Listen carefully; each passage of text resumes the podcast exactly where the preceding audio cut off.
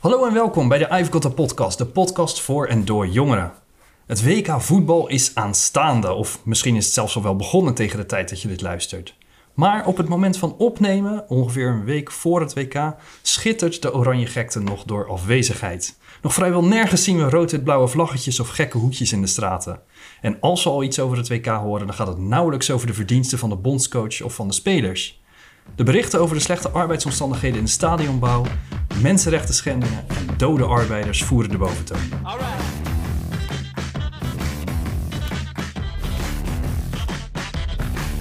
De laatste tijd is het daarom vooral gegaan over de vraag of dat het kabinet nu wel of geen delegatie moet sturen.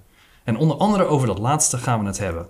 Daarvoor zitten bij mij aan tafel Sude, Isa en Mark. Welkom allemaal. Hallo. Hi. Hey. En eh, Isa, dit is eh, jouw eerste keer in de podcast. Ja. Spannend. Ja. Oh, Nou eh, ja, we hebben in, eh, in dit seizoen eh, eh, ook een dingetje dat je jezelf dan even voorstelt. Dus wie ben jij en wat is je binding met Schiedam? Ehm, ik ben Isa en ehm, nou ja, eigenlijk ehm, ben ik geboren in Vlaardingen. Sorry. Ehm, maar ik ehm, kom al denk ik drie jaar, vier jaar bij de kleine ambassade. En ik heb in de kindergemeenteraad gezeten. En tot nu toe vind ik het heel leuk. Dus Kijk, nou Ja. dat is mooi. En je woont nu ook wel in Schiedam, toch? ja, zeker. Dus, ja, dat Vlaardingen kan je vergeven worden. hey, zijn jullie zelf eh, enthousiast over het aanstaande wereldkampioenschap voetbal? nou, ehm, eigenlijk best wel. Ik hou wel van een beetje goed eh, spel, voetbal. Oké.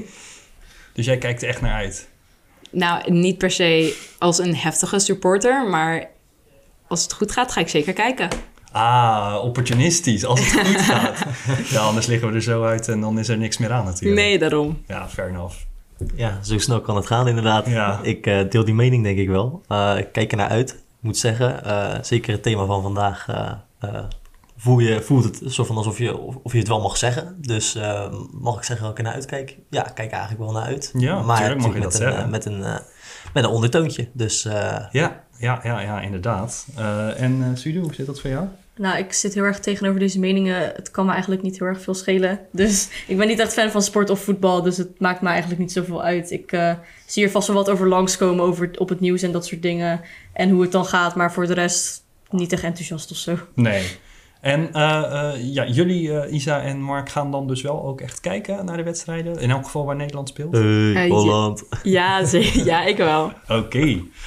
Eh, ja, dit WK leeft op de een of andere manier veel minder dan normaal. En ehm, ja, ik heb er al wel iets over gezegd natuurlijk, een kleine tip van de sluier opgelicht. Maar ja, waar komt dat door, denken jullie? Ehm, zeker weten, omdat er gewoon arbeiders niet goed zijn behandeld Mhm. in Qatar. En het is niet per se een heel welvarend land. En daardoor gaan... En mensen willen geld verdienen, dus ze gaan ook vanuit andere landen naar Qatar toe om te helpen. En ja, ze worden gewoon niet goed behandeld. Dus zeker daardoor komt dat denk ik ook. Ja, het gekke is, eh, Qatar is juist wel een welvarend land. Dat is schat hemeltje rijk omdat het hele grote olie- en gasreserves heeft en zo. Echt waar? Maar ja, dan is het dus eigenlijk des te erger dat die arbeiders eh, eh, niet betaald kregen of heel slecht betaald Ja. kregen en in waardeloze omstandigheden verkeerden natuurlijk. Het verschil zit hem voornamelijk in dat het, eh, juist omdat het zo'n welvarend land zit het verschil in arm en rijk is, Ja. is, is gigantisch. Ja, ja, precies. Maar is dat nou eigenlijk wel... Hè, die, die, die arbeiders die hebben in verschrikkelijke omstandigheden geleefd en dat, dat, dat vinden we allemaal echt wel erg, gewoon oprecht. Maar tegelijkertijd ehm, is het... Er, gebeuren heel veel verschrikkelijke dingen op de wereld, weet je wel. Ik bedoel, we weten ook dat, dat een, een heel groot deel van onze kleren worden in elkaar genaaid door mensen die er niet per se heel veel beter eh, aan toe zijn. Dus is, zijn, die, zijn die arbeiders eh, nu echt de reden dat, eh, dat we veel minder enthousiasme hebben over het algemeen voor dit WK? Of zou er ook nog iets anders aan ten grondslag kunnen liggen? Ik heb het idee dat het vooral ook te maken heeft met dat het zo'n groot platform heeft met zo'n enorm bereik. Dat de, het, de kans om een statement te maken met Mhm. dingen waar je het dan niet mee eens bent of die je ziet als niet ethisch verantwoord.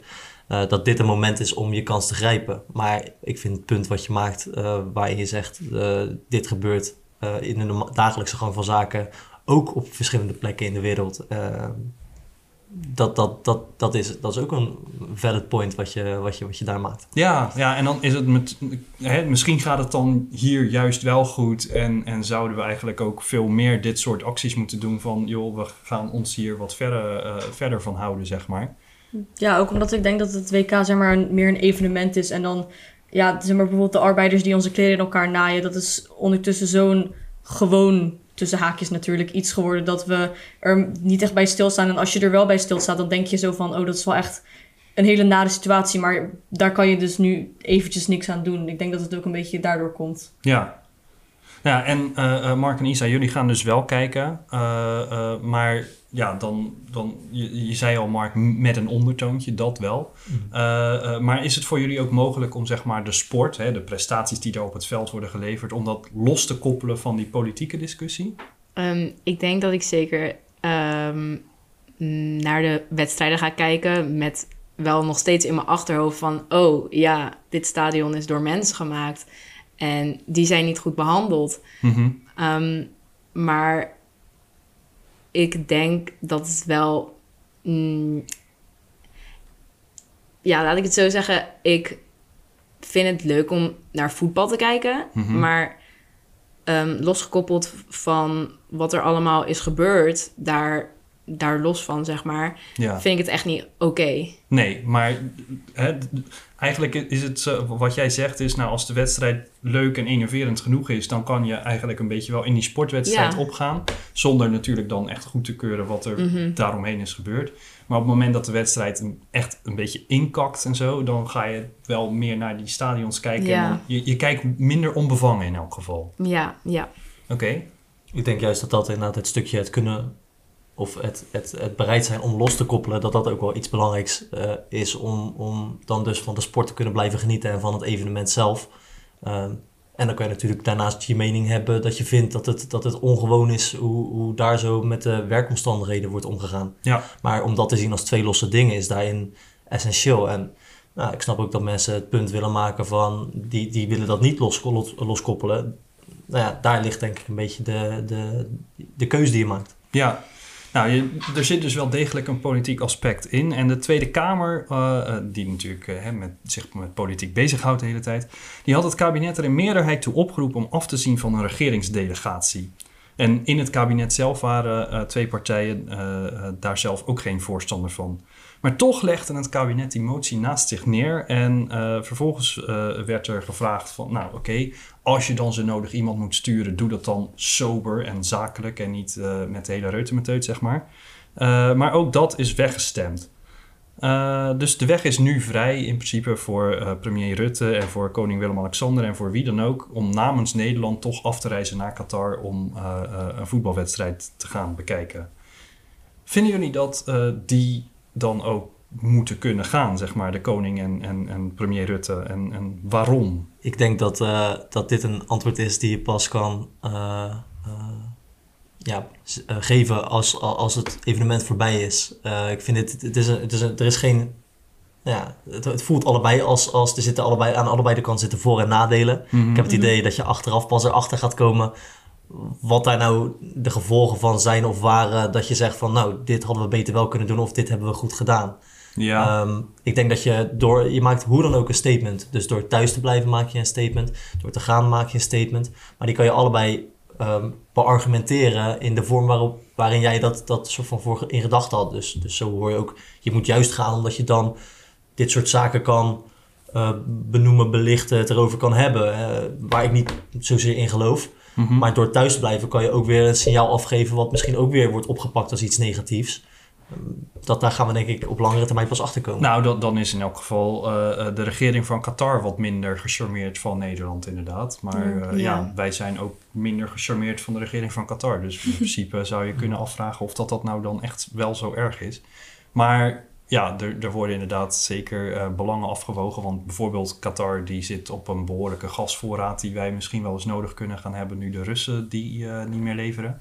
En ik heb het idee dat, ook al, ook al heb je niet veel met de regering van Qatar, dat, dat door juist die scheiding eh, te vergroten, of dat gat te vergroten, door zo'n statement te maken van thuis te blijven, kan je ook weer soort van situaties creëren die, die dan soort van die tweesplitsing weer extra weergeven. En wil je dat? Zeg maar, wil je soort van meer bemiddelend of wil je soort van eh, dat gat vergroten? Ja, Dat zijn gewoon keuzes.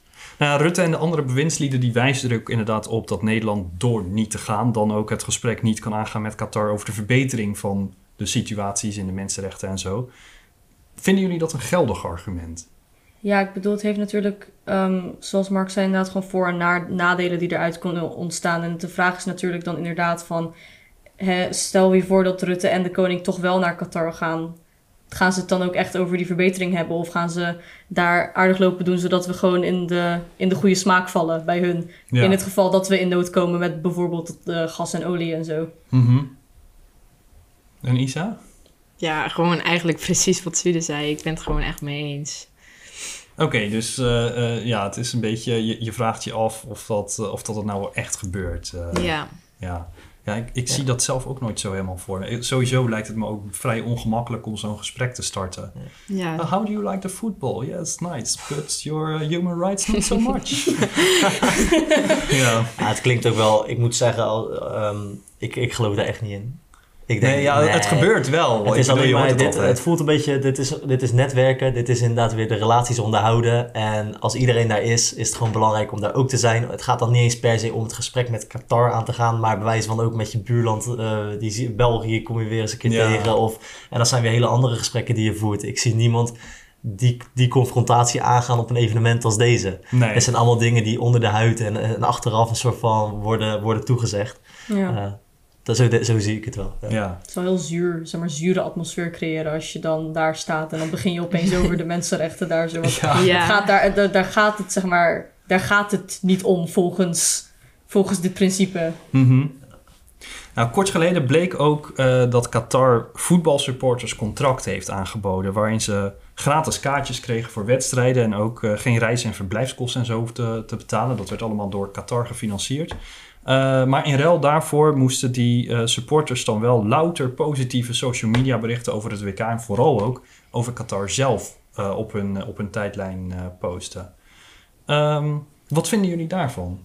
Gewoon, ik vind dat echt niet kunnen eigenlijk. Nee? Gewoon, dat is eigenlijk het enige antwoord wat ik kan geven. Gewoon echt niet kunnen. Je, ik vind het ehm, ten eerste ehm, niet kunnen dat je eigenlijk een soort van mensen gaat, ja, een soort blackmailen Mhm. eigenlijk. Ehm, maar sommige mensen die zouden dat best een goede deal kunnen vinden. En daardoor wordt Qatar, die wordt dan ook weer steeds, ehm, zeg maar, die krijgt een steeds betere reputatie daarvan. Ja. Omdat het dus dan op social media wordt gezegd van, oh ja, het is zo'n geweldig land en het is zo mooi. Dus ja, dat eigenlijk. Mhm. Ja, het is eigenlijk gewoon een beetje, heel erg, zeg maar, slijmen en overdrijven een beetje. Zo, oh, kijk, kijk ons, we geven je gratis kaartjes en dit en zo. Zo van, wow, kijk, kijk wat je krijgt van ons als je, als je maar even iets goeds voor over ons zegt, zodat onze reputatie omhoog gaat. Het is heel erg pretentious, zeg maar. Hmm, ja. hey, en Isa, jij zegt, eh, nou, ik vind het absoluut niet kunnen. Dat doe je toch niet? Eh, ehm, waarom niet? Ben je mm, ja, medeplichtig op het moment dat je het wel zou doen? Ehm, eigenlijk vind ik dat je dan niet medeplichtig bent, maar ehm, je support wel gewoon het land. Mhm. En ik denk dat je daarbij ook ehm, een soort van. ehm, dat het je niet boeit wat die mensen hebben geleden, zeg maar. En dat het je niet uitmaakt dat, dat ze zo slecht behandeld zijn. Dus dat je niet per se medeplichtig bent, maar dat je niet veel uitmaakt, zeg maar. En dat je zeg maar in je hebt om gewoon dat ethische gedeelte aan de kant te zetten voor Ja. een gratis voetbalwedstrijd en een positieve review. Precies. Ja. Maar wat zou je doen als je in de situatie zit dat je, ja, dat je weinig hebt en dat je hierdoor dus wel gewoon je thuisfront zou kunnen, kunnen helpen op deze manier? Ja, I mean, dit gaat toch over ehm, zeg maar, mensen die worden opgeroepen, ook voor, uit andere landen, om gewoon naar deze voetbalwedstrijd te komen, puur voor een positieve review, toch? Dus Ja, inderdaad. Dat, Ja. dat is precies wat het is. En eh, over medeplichtigheid gesproken, zi- zijn spelers die eh, naar Qatar afreizen om, om hè, daar te gaan voetballen, zijn die medeplichtig? Die maken gebruik van de stadions, die eh, rennen rond over dat veld, die krijgen daar waarschijnlijk ook wel redelijk voor betaald enzovoort. Nee, ik denk het niet. Nee? Maar ja, spelers, voor spelers het is meer van... Ze doen het niet alleen in Qatar, ze doen het ook in elk ander land waar ze moeten spelen. En elk, overal, het is eigenlijk gewoon hun werk. Dus ik denk niet dat, zeg maar, de spelers, die zijn er vast wel bewust van dat ze dan, eh, zeg maar, daar rondlopen en zo. Maar ik denk niet dat ze kunnen zeggen, nee, we gaan niet. Want het is nog steeds hun werk en ze krijgen ervoor betaald. En anders komen ze waarschijnlijk ook gewoon in de problemen met het team. En ik weet eigenlijk niet precies hoe voetbal werkt, maar dat zal vast wel zo zijn dan. Ja. Oké, ik denk dat het tijd is voor de snelle ronde. Nou, we hebben het net al een klein beetje aangestipt. Kan je nou als Nederland goed voorbeeld geven, zo gezegd, aan eh, een land als Qatar door er wel of juist niet naartoe te gaan? Kunnen spelers dat doen? Kunnen eh, supporters dat doen? En eh, nou, in het verlengde daarvan ben ik eigenlijk wel benieuwd. Wat, of wie zijn jullie rolmodellen? Tegen wie kijken jullie op? Sude. Oeh. Ja, ik weet niet of dit een beetje lame is, maar ik ben natuurlijk best wel fan van ehm, K-pop groepen, et cetera. Mhm. Ehm, en in die groepen zijn er bepaalde members die mij dan heel erg inspireren. Er zijn bijvoorbeeld vooral ehm, idols zoals Tag van Golden Child of Juyeon van Extraordinary Heroes, die heel erg optimistisch in het leven staan en die met heel veel motivatie en passie gewoon door het leven gaan. En zeg maar om, om hun, zeg maar, ze krijgen, om hun berichten binnen te krijgen waar ze bijvoorbeeld zeggen van, oh, ook al is het vandaag een regenachtige dag, je moet gewoon door, dat soort dingen. Dus die, zeg maar, die optimistischheid, optimistisch? Wat optimisme. Dat optimisme. Het optimisme van ehm, de bepaalde mensen waar ik fan van ben en ook de, de passie die ze hebben voor muziek als iemand die ook heel erg eh, veel muziek houdt en ik speel zelf ook instrumenten, zijn dat wel echt mijn rolmodellen, hoe lame het ook is. Nee, dat vind ik helemaal niet leem. Ik vind dat je daar echt een goed verhaal bij, eh, bij Ja, hebt, eh, zeker. Zo. Eh, en Isa. Ehm, mijn dansmeester is mijn rolmodel. Ehm, ten eerste, ik hou van dansen. En Mhm. hij kan heel goed dansen. En hip-hop is echt mijn ding. En hij, kan, hij is echt meester in hip-hop. Ehm, en ik vind het gewoon een goede manier hoe hij in het leven staat. Hij heeft ook sinds dit jaar heeft hij een vlog. En ehm, waarin hij echt veel van zijn leven deelt. En ook dat hij gewoon deelt dat hij het soms zwaar heeft. En dat hij ook deelt dat hij het ehm, heel druk heeft met werk. Ehm, en ehm, daar kijk ik heel erg eh, tegenop, zeg maar. En ik hou van humor, m- mensen met humor. En hij heeft echt een hele goede humor. Dus vooral dat eigenlijk. Ja, nice. Wel twee goede voorbeelden Ja, tot nu toe. Dus ik moet zeggen, ik had heel even de kans om, eh, om alvast, ik had hem al even ingelezen. Dus ik had er eh, een paar staan. Ehm, ik heb altijd eh, eh, Kobe Bryant, vind ik altijd eh, een hele vette. eh Mhm. Kennen jullie denk ik ook allemaal wel met Ja. de mama mentality en zo. En ja, dat is wel inspirerend denk ik. Eh, een stukje net even een stapje verder gaan. En eh komt ook wel heel erg in de buurt inderdaad bij eh, hoe jij het omschreef met jouw eh, idolen. Eh, ik weet niet of jullie Gary Vee kennen. Nee.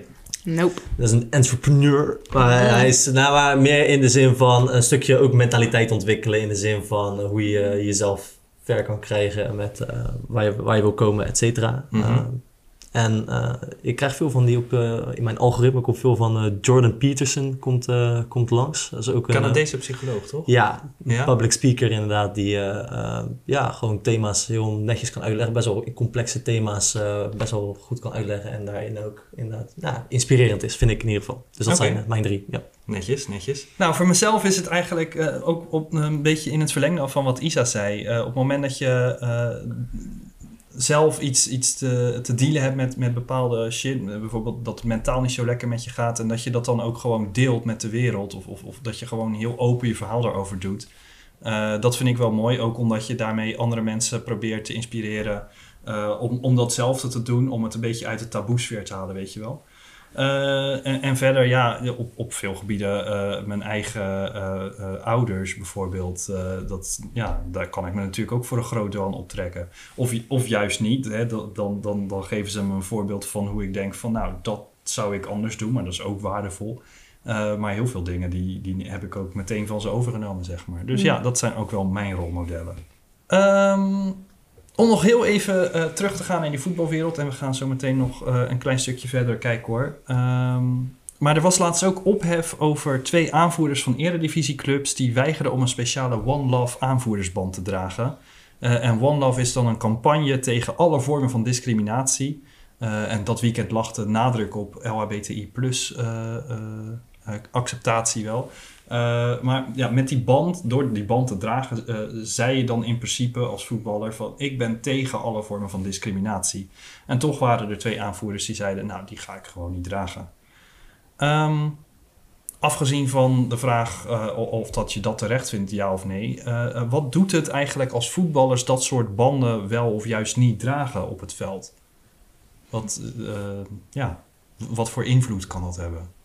Ja, natuurlijk omdat voetbal en vooral het WK een heel erg internationaal event is. Ik denk dat als je dan zo'n band draagt, dat je dan wel... ehm, het is natuurlijk wel een kleine gesture op zich, als je het zo zou bekijken. Maar Mhm. Ehm, nog steeds dan zeg je wel van bijvoorbeeld vooral in een land waar, eh, zoals Qatar, waar ehm LHBTIQ plus acceptatie eigenlijk niet heel erg, zeg maar, de nadruk er niet echt op ligt. Ik heb het gevoel dat als je vooral in dat soort landen, als je er zo erg open over bent, dat dat dan ehm, die message gewoon stuurt van, hé, hey, ik, ik ben hier wel gewoon tegen, ook al ben ik nu in een land waar het niet zo is. Ik ben hier wel gewoon, ik ben wel gewoon tegen discriminatie, zeg maar. Ja, Ik heb ook het idee in eh, voetbal als sport, zeg maar, is nog eh, in, voor een heel groot deel nog best wel een macho wereld. Eh, Mhm. Ook niet alleen de spelers zelf, maar ook de aanhang. Eh, en, en ik denk juist dat er dan dus ook in die wereld een kracht ligt als de, als de rolmodellen binnen het voetbal, waar dan dus eh, de fans naar kijken, kinderen naar kijken, eh, tegenop zien, et cetera. Dat je met dit soort eh, ehm, ja, met dit soort dingen, dat je daar, dat je daar wel een, een indruk mee kan maken in positieve zin. Dus in dat opzicht, eh, ja, snap ik de gedachte erachter. Mhm. En ja, we hebben het net over rolmodellen gehad. Dat is niet voor niets natuurlijk. Kunnen bepaalde mensen ook wel denken van... die, die voetballers gewoon heel erg hoog hebben aangeschreven... dat ze denken van, nou, als die voetballer dit vindt... dan zit daar misschien ook wel wat in, weet je wel? Ja. Dat, eh, dat, dat, dat het die functie ook heeft.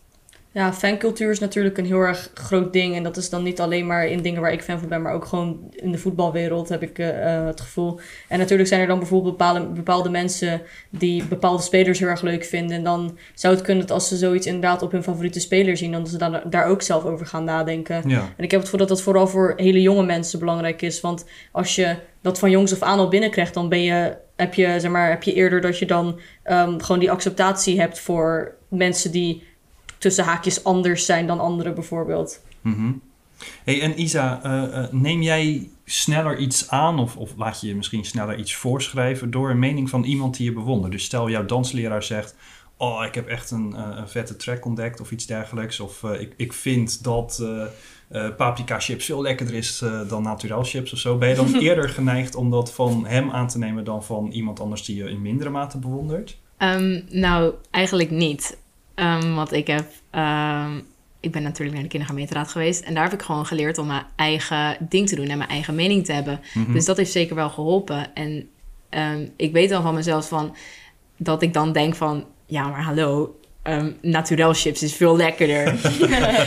dus ja. Ja, oké. En, en, en, maar eh, bijvoorbeeld dan, dan eh, hè, een, een nieuw nummer, ben je dan eerder geneigd om dat te luisteren op het moment dat hij dat eh, aan je aanraadt dan wanneer een willekeurige voorbijganger op straat dat zou doen? Ehm, ik denk het wel. Ja, dat wel. Dus- Ja. Dus, het heeft wel iets van invloed, zeg maar. Rolmodellen die kunnen er wel voor zorgen dat jij ook sneller iets wel of ja, juist ik niet denk gaat het zeker doen. wel. Ja. Mhm. En eh, ehm, hoe zit dat met mensen die je goed kent en waar je bevriend mee bent? Ehm, Hebben die diezelfde invloed? ik denk ehm, met familie misschien zelfs nog iets meer. Mhm. Ehm, met vrienden weet ik het niet zo goed. Want ehm, stel je hebt hele goede vrienden waarbij je echt jezelf kan zijn. En ehm, waarbij je gewoon alles kan zeggen wat je wilt. Kan je gewoon zeggen, ja hallo, dit is echt troep. Wat, wat ben je nou allemaal aan het zeggen? Maar stel je wilt, je hebt een bepaalde reputatie of zo. En ze zeggen van, yo, je moet echt naar dit lied luisteren en het is zo goed. En stel, dan denk je van, ja, maar dat wil ik eigenlijk helemaal niet. Maar om dan nog steeds erbij te horen of zo, ga je dat dan wel doen. Ja, ja. Oké. Ehm, ja, Mark, er staat hier eh, een eh, mooi eh, gebouw op tafel. Al de hele tijd natuurlijk. En dat, daar staat jongerenwerker op. En dat heb je uitgekozen omdat je dat wel bij het thema van deze podcast vindt passen. Vertel. Jazeker Bart. Eh, ik heb de jongerenwerker heb ik, eh, als gebouw van de toekomst heb ik, eh, heb ik meegenomen. Ik, ik heb toch het idee dat, dat voor een hoop jongeren dat het enorm belangrijk is om een goed voorbeeld te hebben. En in het gebouw van de toekomst is dat toch een van de dingen waar jongeren dan naast dat ze zichzelf kunnen zijn ook iets hebben om, om aan vast te houden eh, en, en, en naar, naar, naar op te kunnen kijken. Ja, iemand die echt het goede voorbeeld geeft, zo gezegd. En die eh, sommige jongeren misschien ook wel een beetje uit de goot trekt. En eh, de- ze ervan weerhoudt om het verkeerde pad op te gaan enzovoort. Maar gewoon doordat ze eh, hè, jongeren eh, laten kennismaken met... nou, hier ben je goed in of dit vind je leuk. Hè? Dit, is, dit is waar je talent ligt. Dus vergooi het nou niet door, eh, weet ik veel, oude, eh, of, eh, oude dames van hun tasjes te beroven of iets dergelijks. Precies, want hoe belangrijk het aan de ene kant ook is dat je vooral zelf nadenkt, is natuurlijk ook eh, eh, hartstikke belangrijk dat je, dat je probeert op te vangen wat, wat mensen in het verleden hebben gedaan en hoe andere mensen erin staan en dat je daarvan leert. En dat je dat met een open mind doet. Dat, eh, dat is, eh, dat is eh, heel goed, maar iets om je aan op te trekken, dat is eh, belangrijk. Ja, hey, en uh, Suda en Isa, snappen jullie eh, waarom jongeren over het algemeen hebben gezegd van nou, dat is onmisbaar in de stad van de toekomst? Ja, ik denk dat het voor jongeren sowieso heel erg belangrijk is om gewoon iemand te hebben die hun op die manier motiveert en waartegen ze kunnen opkijken. Want je kan zeg maar denken wat je denkt over rolmodellen, maar ik denk dat het uiteindelijk dat iedereen vast wel een keer naar iemand heeft opgekeken en het is dan belangrijk voor jongeren. Ehm, vooral zeg maar jonge mensen denk ik ook om gewoon zeg maar op die ja, vroege leeftijd al te beginnen met ehm, zo aan zichzelf werken op die manier met een jongere werken bijvoorbeeld. Hmm. En welke boodschap vinden jullie eh, zelf eigenlijk belangrijk om uit te dragen? Gewoon in je persoonlijk leven. Wat, wat, waar staan jullie voor? Uh, ik sta zelf heel erg voor um, openheid en representatie. Ik denk dat representatie heel erg belangrijk is. Um, wederom bij jonge mensen ook. Zeg maar, hoe eerder je begint met um, zeg maar, iemand gewoon leren dat, je, dat mensen anders zijn, dat mensen, ja, dat mensen anders zijn. Om, zeg maar, gewoon dat, om iedereen te accepteren voor wie ze zijn. en ook gewoon you know, open zijn en zeg maar, je hoeft niet in stilte te struggelen als je, als je dat doet, bijvoorbeeld. Dat soort, uh, ja, dus voor, vooral openheid en acceptatie. Dat, daar sta ik wel echt voor. Um, ik sta echt, het is misschien heel cliché, maar gewoon echt voor jezelf zijn. Um, ik snap dat het echt serieus lastig kan zijn om dat te doen. Um, maar weet dat als je gewoon jezelf bent, dat je uiteindelijk mensen gaat vinden die jou gewoon accepteren voor wie je bent. En daar kan je echt iets uithalen. Dus daar sta ik echt gewoon echt 100% voor. Ook mooi. Ik zou zeggen, blijf ademen. ja, die vind ik heel mooi. Het is zo makkelijk om jezelf te verliezen in alle dagelijkse struggles. Maar uiteindelijk zijn we maar een stelletje wezens hier zo op een, in een eindeloze universum. Dus uh, wow. that's it. Oké. Okay. En uh, uh, hoe, uh, hoe dragen jullie die boodschap uit? Hoe, hoe krijg je bereik om, om te laten merken van dit vind ik belangrijk? Ja, bijvoorbeeld bij platforms en organisaties die werken met jongeren. Want ik heb het gevoel dat jongeren hun stem niet genoeg kunnen laten horen soms. Mm -hmm. um, natuurlijk met het feit dat heel veel social media wel um, zeg maar, gedomineerd wordt door heel veel jongeren... heb ik nog steeds het gevoel dat de oudere generatie niet echt naar ons luistert. Dus um, bij dit soort platforms bijvoorbeeld. Of uh, als je situaties hebt zoals dus op school leerlingenraden, dat soort dingen. Of gewoon overal waar je zeg maar, dat kan uitoefenen. Je kan het altijd proberen. Of je kan, ja, ik weet niet, Instagram pages openen en dat soort dingen. Maar het ligt er natuurlijk maar net aan of je dan ook echt het bereik krijgt wat je zoekt. Ja. Um, ik uh, zelf... Um, ja, eigenlijk, eigenlijk gewoon naar de kleine ambassade gaan. Net zoals uh, Sude, gewoon met verschillende platforms en zo. Um, maar gewoon ook, um, stel je plaatst iets op Insta of zo. Um, geen filters gebruiken dan, zou ik zeggen. Want, zeg maar, waar ik voor sta is jezelf zijn. Ja, laat gewoon mensen zien dan in je post wie je bent en wat je leuk vindt. Plaats bijvoorbeeld een foto dat je aan het voetballen bent. Plaats een foto dat je lekker gek aan het doen bent met je vrienden. Dus dat zou ik dan, um, zo zou ik het gebruiken om die boodschap over te dragen. Nou ja, goed, dus de conclusie is eigenlijk uh, wees jezelf, wees open en uh, uh, ja, Eh, daardoor word je zelf eigenlijk ook gewoon eh, een rolmodel. Door, door te staan waarvoor jij staat, eh, kun, je, kun je andere mensen ook weer inspireren om de wereld weer net een stukje beter te maken. Nou, dat lijkt me dan een mooi einde voor deze podcast. Eh, behalve dan natuurlijk dat we nog een muziektip hebben. Eh, nou, en die heb ik gekregen van Rick. eh, dus we hoeven er zelf niet over na te denken. Want Rick die wilde heel graag nog een keer Veegse van het Matje van Chico horen. Het eh, echt, enige echte WK-hitje van, eh, eh, ja, van dit WK. Dus ga hem luisteren, eh, geniet ervan. Ik hoop dat jullie de podcast leuk en interessant hebben gevonden. In dat geval laat het ons even merken door het hartje. Deel hem ook even natuurlijk met al je vrienden, familie en rolmodellen. En dan zien we jullie de volgende keer weer. Doei! Doei.